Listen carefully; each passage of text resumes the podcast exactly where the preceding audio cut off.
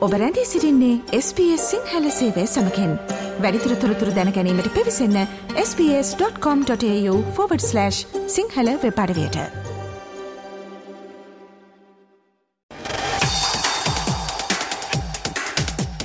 ජයපරාජය මැදින් ගලා යන සබ්දින කෙලිබිලේ උණුසුම. SBS සිංහලකුවන් විදිලියේ සතියේ ක්‍රීඩා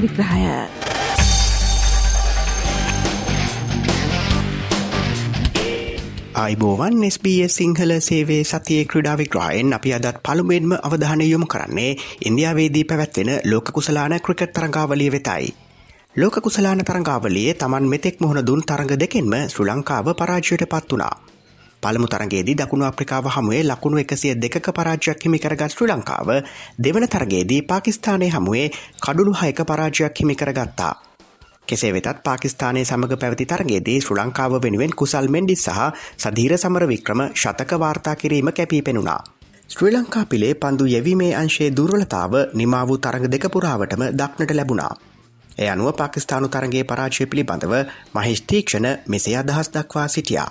ඊරම තරග තින්න ඇ පන්දු යවල ලොක ඩිෆරන්ස් තින විකච්චල අපි ලංකාව සෙල්ලං කරපයවයි අපි මෙහැල්ල ගහනයවයි තින් ඒ අතරත් එක් අපේ ගොඩක් බෝලස්කට කියන්න මේ විකටසර දිසම ලයිනල්ලෙන් විස්සුනොත් අනිවාරෙන් බවන්ඩක් කරන ොදවෙල ලංකාව තින සමාරිකත් ලෝ කැපෙනවා. ඇතවට අපිට කියන්නේ පොට බෝඩ දම ස්පිනගෙනෙක් වුණාම බේරෙන්න්න පුළුවන්. මොකද විකටස් ලෝනොත් යපුණ අපි මේ ඇල්ල බෝල්ලයක් හරිට දාතනත අනිවාරෙන් බවන්ඩක් කන පනිත ගොඩක් යන්න හයිස්කෝරන් ගේම්ස් කියන්න ඕනලා චේස්කට අපි සමාර්ටලුන් අධ්‍යා ගවනම් මංගතන අපිට කියන්නේ තරගේට අපි ජයකරන ොද අපේ අතේ රිප තරගේ මත අපි අවුරුදු ගානක් හල ලෙජන්ස් පසෙල්ලං කලා අපි පකිස්ානක මච්චක දින්නන වල්කපල් අපිට අද ලොකු අවස්ථාතින් තරග ජයග්‍රණයක අපි ගොඩම් ඩිපර්ටන් තුනෙන් ොඩම් මිස කරු ජන පරාද පරාදුන. ඒක නොද සෙල්ලගන්න අපි හරි සෙල්ලගම නැති නිසා. අපි හරි සෙල්ලම් කරන අපි තරග අනිවාර්ය ජයග්‍රහණය කරලා තිප්ප රෙකෝඩ් එක හතර විදුව තිපගෙන එක හත එකයි කරලා ලොකු වෙනසක් කරන ඉතින් අපි අමසම් ප්ලේන් එක අපේ පැත්තට. මොකද අපි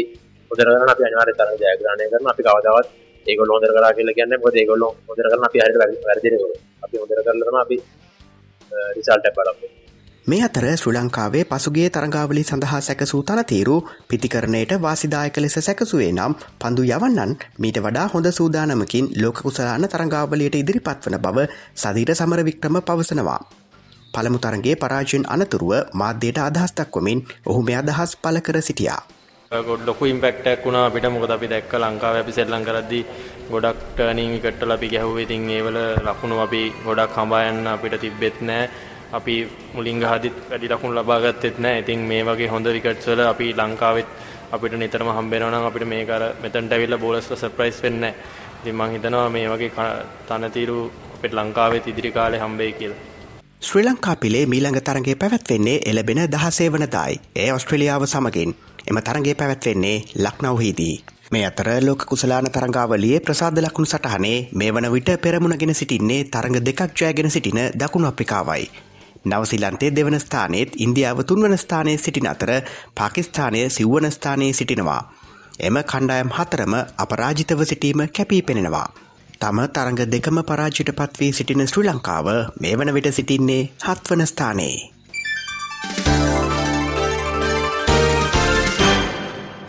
මෙවර ලෝක කුසලාන ක්‍රිකට් තරංගාවලිය පිළිබඳව අනාවැකි පල කිරීම ඉතා අසිරු කරුණක් බව මුත්තයියා මුරලිදරන් පවසනවා.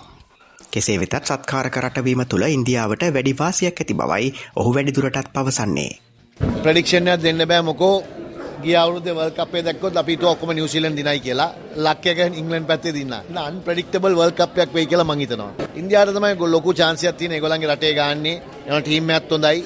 ඒ වගේම ගොඩක් දේව මේ ගොඩක් දේවල් ඒගොල්ලන්ගේ පැත්තට තියෙන්නේ කවුඩ් එකත් ඒගොල්ලන්ගේ පැත්තට ඉන්නේ ඉන්දියාවේ තන තීරු ශ්‍රී ලංකාවට බොහෝසයින් සමාන හෙයින් ශ්‍රී ලංකා පිළට මෙවර තරඟාවලියේදී යමක් කිරීමේ හැකියාව ඇති බවයි මුරලි පවසන්නේ. මම ඒගොල්ලන්ට සුබපතනවා හොඳින් තරගා කරන්න කියලා.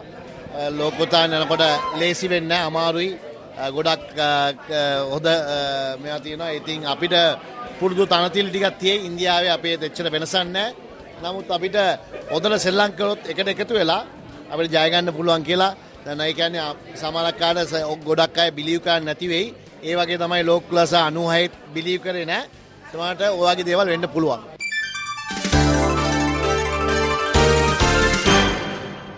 ශ්‍රී ලංකා කාන්තා ක්‍රිකට් කණ්ඩායමේ නායක චමරය අතපතු බිග් බෑෂ් ලී කාන්තා ක්‍රිකට් තරඟාවලියේ සිද්නි තන්ඩර්ස් කණ්ඩායම සමගින් එක් වී තිබෙනවා. චමරි මීට පෙර දෙදහස් දා හත වසරේදී මෙල්බර්න් රෙනගේට්ස් පිළ සමගෙක් වූ අතර දෙදහස් විසි එක වසරේදී පර්ත් කෝචස් පිළ සමග එකතු වුණා.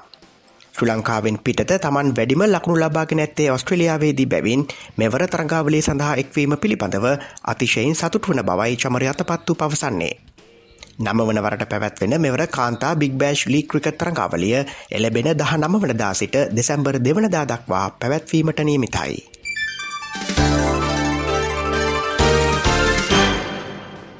දහ නම වන ආසියානු ක්‍රීඩා උලෙලට සහභාගි වූ ශ්‍රී ලංකා මල්ල ක්‍රීඩා කණ්ඩායම පසුගේදා දිවයිනට පැමිණියා. රොටවල් හතලිස් පහක් අතරින් ශ්‍රී ලංකා මල්ල ක්‍රීඩා කණ්ඩායමට මෙවර අටවඩ ස්ථානය හිමි වුණා. එහිදී එක්රන් පදක්කමක් එක් රිදී පදක්කමක් සහ ලෝකඩ පදක්කම් දෙකක් මලල ක්‍රඩා ඉසව්වන්ගෙන් ශ්‍රී ලංකාව හිමිකර ගත්තා. කාන්තා හෙල විසි කිරීමේ සවේ රිදී පදක්කම හිමි කරගත් නදීශාලයකම්ගේ මෙහිදී පැවසුවේ එලබෙන ඔලිම්පික් තරංගාවලිය සඳහා සුදුස්කම් ලබා ගැනීම තම බලාපොරොත්තුව බවයි. ගොඩක් ආර්ථික අපහසුතා මැද තමයි මම ගොඩක් දේවල් කරේ. ඉදිරි බලාපොරොත්තුව ලබන වසරේදී පැවැත්වෙන ඔලිම්පික් තරඟාවලිය. ඒකට මම සුදුසුකම් ලබන තමයි බලාපොරොත්තු වෙන්නේ. මේ අතර ශ්‍රී ලංකා පිරිමි මීට්‍ර 400 සහාය දිවීමේ කණ්ඩායම පවසන්නේ තමන්ට එළබෙන ඔලිම්පික් තරඟාවලිය සඳහා සුදුසුකම් ලබා ගන්නට හැකියාව ඇති බවයි. අවුරුදු 17කට පස්සේ අපට හැකි වුණා ලෝකඩ පදක්කම දිනාගන්න මීටර් 404 සායදීම කණ්ඩායම 6 දෙනා ඔලිම්පික් තරඟවලට අපි හිතන හුඟක් සුදුසුකම් ලබයි කියලා. ඉතින් ඒකට හොඳ තරඟයක් දෙන්න බලාපොරොත්තු වෙන පුණ්‍යම කටයුතු කරනවා.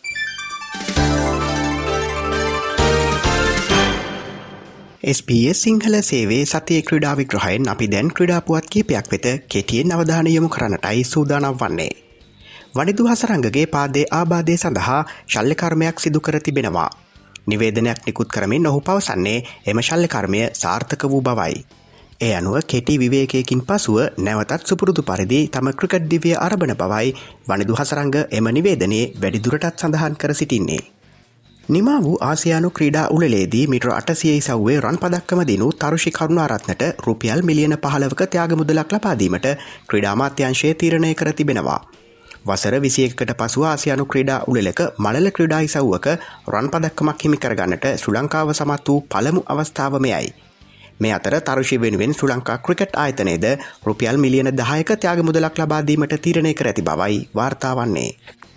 දෙදහස් තිස් හතර ලෝක කුසලාන පාපන්දු තරංගාවලිය සත්කාරකත්වය සඳහා ඉල්ලුම් කිරීමට සෞදි අරාබිය සූදානම් වනවා. ඒ සඳහා සහය ලබාදීමට ශ්‍රී ලංකාව තීරණය කළ බව ශ්‍රී ලංකා පාපන්දු සම්මේලනය පවසනවා. නිවේදනයක් නිකුත් කරමින් පාපන්දු සම්මේලනයේ පවසන්නේ සමස්ත ආසියාවටම අභිමානයක් වන මෙම තරංගාවලිය සත්කාරකත්වය සඳහා සෞදි අරාබියට සහයෝගය ලබා දෙන බවයි. ශ්‍රී ලංකා වයිස දහනමෙන් පහල ක්‍රිකට් කණ්ඩායම තරඟ සංචාරයක් සඳහා ඊයදිනේදී පාකිස්ථානය බලා පිටත්ව ගියා. එහිදී ඔවුන් සිව්දින ක්‍රිකට් තරගයකට සහ එක්දින තරඟ පහකට මුණදීමට නියමිතයි. දෙරට අතර සිව්දින ක්‍රිකට් තරගය එලබෙන පහලොස් වනදා කරච්චහිදී ආරම්භ වනවා.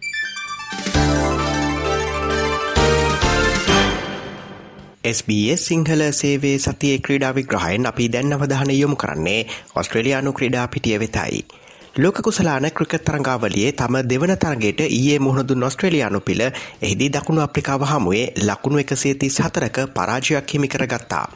එය අනුව මේ වන විට ඔස්ට්‍රලියාව තමන් මුහුණදුන් තරඟ දෙකම පරාජයට පත්වී තිබෙනවා. මෙම තරගේ පළමුුව පන්දුර පහරදුන් දකුණු අප්‍රිකාව කඩුළු හතකට ලකුණු තුන්සිය එකොළහක් ලබාගත්තා. එදි කුයින්ටන්ඩිකෝක් තරංගාවලියේ තම දෙවන ශතකේද වාර්තා කරමින් ලකුණු එකසේ නමයකට දැවී ගියා. පිළිතුරු ලෙස ඔස්ට්‍රලියාව සියලන් දැවී ලබාගත්තේ ලකුණු එකසිය හැත්තෑ හතක් පමණයි. ඔස්ට්‍රලයානු පිළේ මීළඟ තරගේ එළබෙන දහසේ වරදා ශ්‍රී ලංකාව සමගින් පැවැත්වීමට නියමිතයි. මෙම තරගේ දෙපිලටම වැදගත් වන්නේ කණ්ඩායම් දෙකම තම පළමු තරඟ දෙකම පරාජයට පත්වී සිටින නිසාවෙන්. ඔස්ට්‍රලියාව මේ වන විට ප්‍රසාද ලකුණු සටහනේ සිටින්නේ නමවන ස්ථානයේ.